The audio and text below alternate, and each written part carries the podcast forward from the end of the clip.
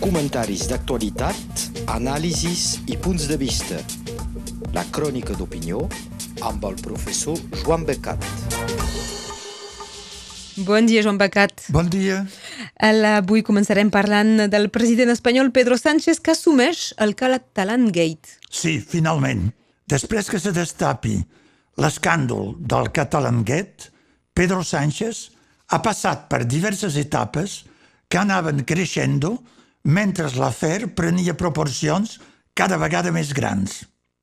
Recordem que el Catalan Gate és aquesta operació d'espionatge il·legal i massiu de l'independentisme català pels serveis secrets espanyols amb un programa israelià que es diu Pegasus.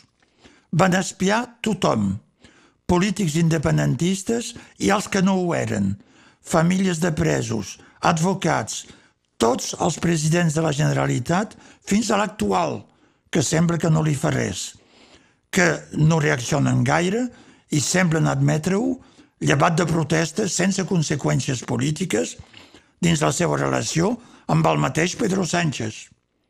Quan?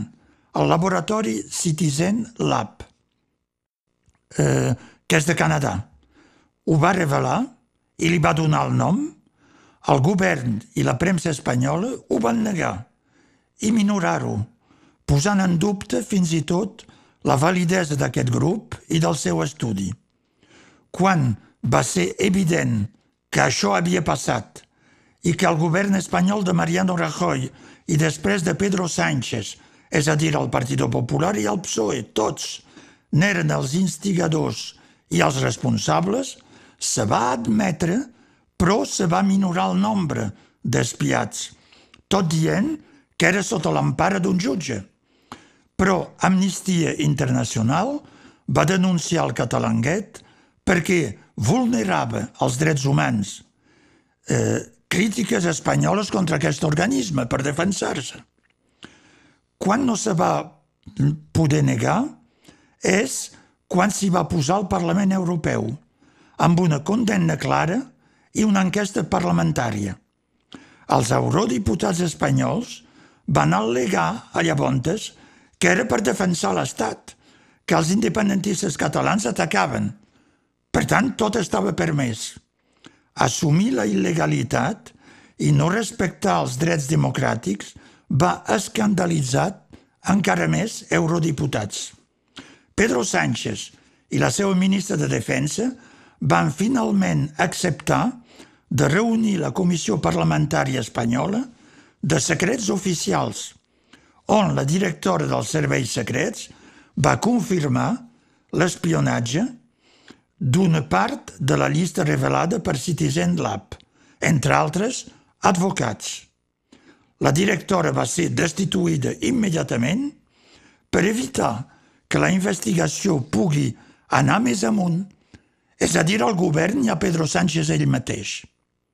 Però fa un mes, Pedro Sánchez va assumir el catalanguet, aprofitant de la situació de la guerra a Ucraïna, on Espanya lliura armament, molt menys que França i molt menys que el Regne Unit, però hi participa i, per tant, fa difícil retreure a Espanya i al seu primer ministre els seus pecats.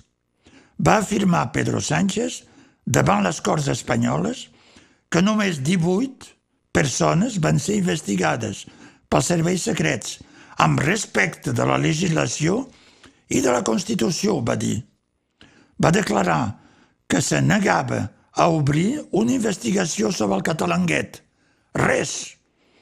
I que ell i el seu govern no tenien cap responsabilitat política. Va dir, el president no sap ni decideix les operacions dels serveis secrets d'intel·ligència. Pot haver passat en circumstàncies anteriors, però ara no. És a dir, és el famós «Ce n'est pas moi, monsieur, c'est Rajoy». Era, alhora, admetre que el catalanguet era real i que ell no controlava els seus serveis secrets i que no faria res per buscar els responsables. Circuler, hi ha rien a voir.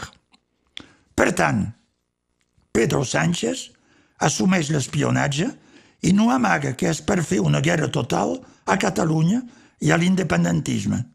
Repressió, espionatges, ara intentar d'erradicar la llengua o de marginar-la, fer menys inversions i funcionar més diners. Sembla que Catalunya és clarament l'enemic a abatre. Tots, fins i tot els moderats o els autonomistes que no volen marxar d'Espanya, són espiats. Com deia el llop a l'anyell de la faula de la Fontena, si se nettoie, c'est un détient. En aquest context, és incomprensible l'actitud del govern d'Esquerra Republicana i Junts, presidit per Pere Aragonès, on tots van ser espiats, que sembla acceptar que Espanya és violent i que el que passa és condemnable, però no tant, perquè tothom sap com és Espanya. Imperturbablement, Pere Aragonès demana restablir el diàleg amb el govern espanyol que l'espia i fa totes les coses, però no sobre la independència, constatant que ara Junts s'estova també, Pedro Sánchez acaba de dir que vol que Junts participi també a la taula de diàleg. És un certificat de no fer res. En el marc d'una trobada a nivell de ministres per fixar dues reunions a la taula de diàleg d'aquí finals d'any. O sigui, poca cosa i sense pressa, com per passar el temps. Per què ho diu ara? Doncs perquè li va bé a Pedro Sánchez, perquè té problemes grossos i necessita neutralitzar Per Aragonès i els seus diputats d'Esquerra Republicana a Madrid per mantenir-se ell. No ho fa per Catalunya ni per Per Aragonès. No és que vulgui negociar, perquè no se parlarà ni d'autodeterminació, d'independència o d'amnistia. Només li interessa que se vegi tant a Catalunya, a Espanya, com sobretot a Europa, que se parlen, que és a profit seu, és visiblement una operació per l'aparença, enfumage, dirien a França. Recordeu, veieu, que a inici d'any, abans de conèixer el catalanguet, Pedro Sánchez havia enterrat el diàleg, dient que només eren prioritaris per ell eleccions a Castella i Andalusia.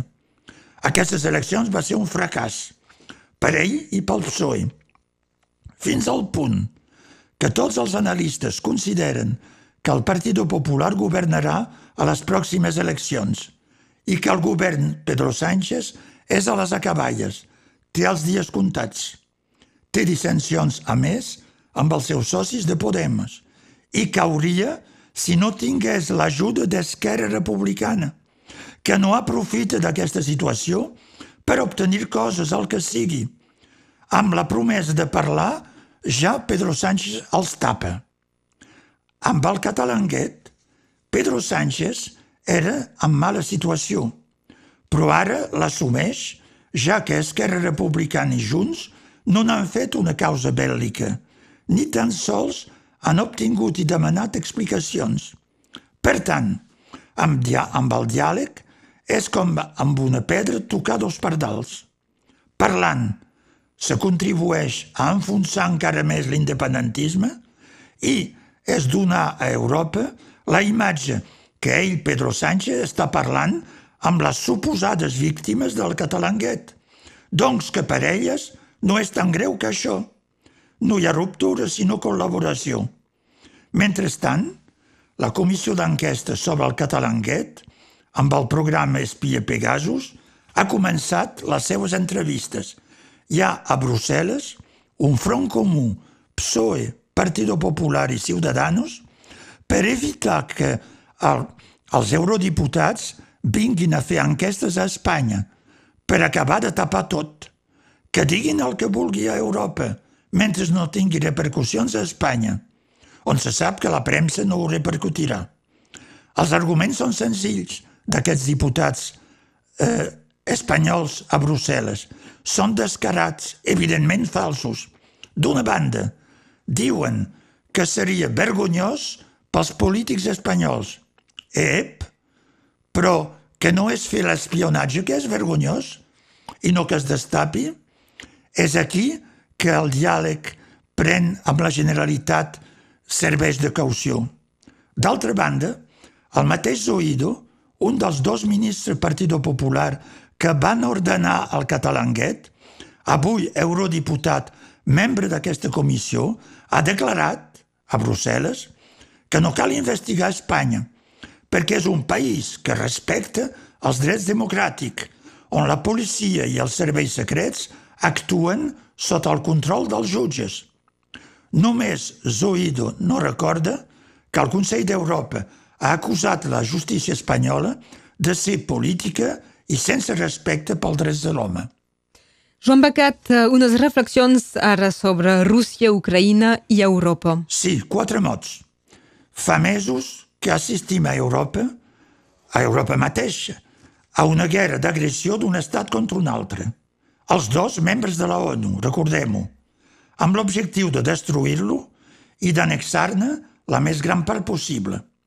Això no havia passat a Europa des d'Hitler i les agressions idèntiques de l'Alemanya nazi contra els seus veïns. La guerra dels Balcans, que va tenir lloc després, és diferent, tot i que atroç i intolerable, perquè era interna a un estat, Iugoslàvia, que se desintegrava i on els pobles i regions eren en rivalitat, algunes amb pretensions d'hegemonia no i de neteja ètnica. Avui hi ha un estat agressor i imperialista, que és Rússia, que vol afirmar-se per la força, i un estat agredit que intenta defensar-se tot i sent més feble. No és perquè Putin proclami i que l'opinió russa s'ho cregui, manipulada com és, que els seus arguments són exactes. És més aviat l'invers. Putin ha dit que venia a defensar a Ucraïna i salvar els russos que hi estaven. Notem que és exactament l'argument d'Hitler que considerava que on hi havia alemanys era part d'Alemanya i que calia recuperar-ho costi el que costi. Ho va fer amb Àustria, ho van fer amb les sudetes de Txecoslovàquia. S'ha vist que cedir a les agressions d'un dictador portava, malgrat tot, a la guerra. En aquest sentit, l'ajuda dels estats europeus a Ucraïna és el que calia fer. Vladimir Putin fa el mateix. On hi ha russes, és Rússia. Rússia. Però llavors, tota l'antiga Unió Soviètica és Rússia, car el règim soviètic especialment Stalina, va desplaçar desenes de milions d'habitants i va afavorir la implantació de russos a tot arreu. Per tant, qui és rus per Putin? La llei russa la defineix eh, i eh, Putin acaba d'ampliar-la. És tota la gent que parla rus, és a dir, la totalitat de l'ex-Unió Soviètica, on el rus era obligatori arreu, durant dues generacions i on les altres llengües van ser marginades o reprimides. És una llei per justificar noves agressions o almenys intervencions a tot arreu, on sigui. A més, és aberrant, car la pròpia Rússia de Putin és una mosaica de pobles diferents, amb llengües pròpies. Per Ucraïna, Putin ha justificat l'agressió dient que l'ucraïnès no existia – que era rus. No és veritat, tot i que siguin dues llengües mateixes d'una mateixa família, eslaves. Imitant això, es podria dir a França que totes les llengües romàniques són franceses, o que els italians diguin el mateix, amb més raó perquè el llatí era a Itàlia. L'altre argument és l'agressió que a Ucraïna hi ha influència i govern feixista i que cal eradicar-lo. És inexacte, si ens basem sobre la presència de partits d'extrema dreta amb diputats, a Ucraïna són tots extraparlamentaris, a llavors França és feixista, Alemanya és feixista, Itàlia també, i no parlem d'Espanya amb Vox. En realitat, és l'invers que se podria dir. El règim de Putin a Rússia té bastants aspectes d'un règim feixista de veritat. Per tant, no caldria forçar gaire la interpretació dient que Rússia és un estat feixista, on cal purgar-lo dels feixistes que la dirigeixen. Sabeu amb això on poden portar les exageracions i falses afirmacions de Vladimir Putin. El darrer argument putinià concerneix el Donbass, tocant a Rússia, on diu que és part de la història de Rússia. Però on parava Rússia a l'època del zar? Era tota l'Europa de l'Est, tot. I que tot Ucraïna feia part de Rússia fa cinc segles, que n'és el bressol. Aquí també la realitat de la història és reinterpretada, car, de fet, l'existència d'una sobirania a Ucraïna, amb capital Kiev, eh, precedeix la de Rússia amb capital Moscou.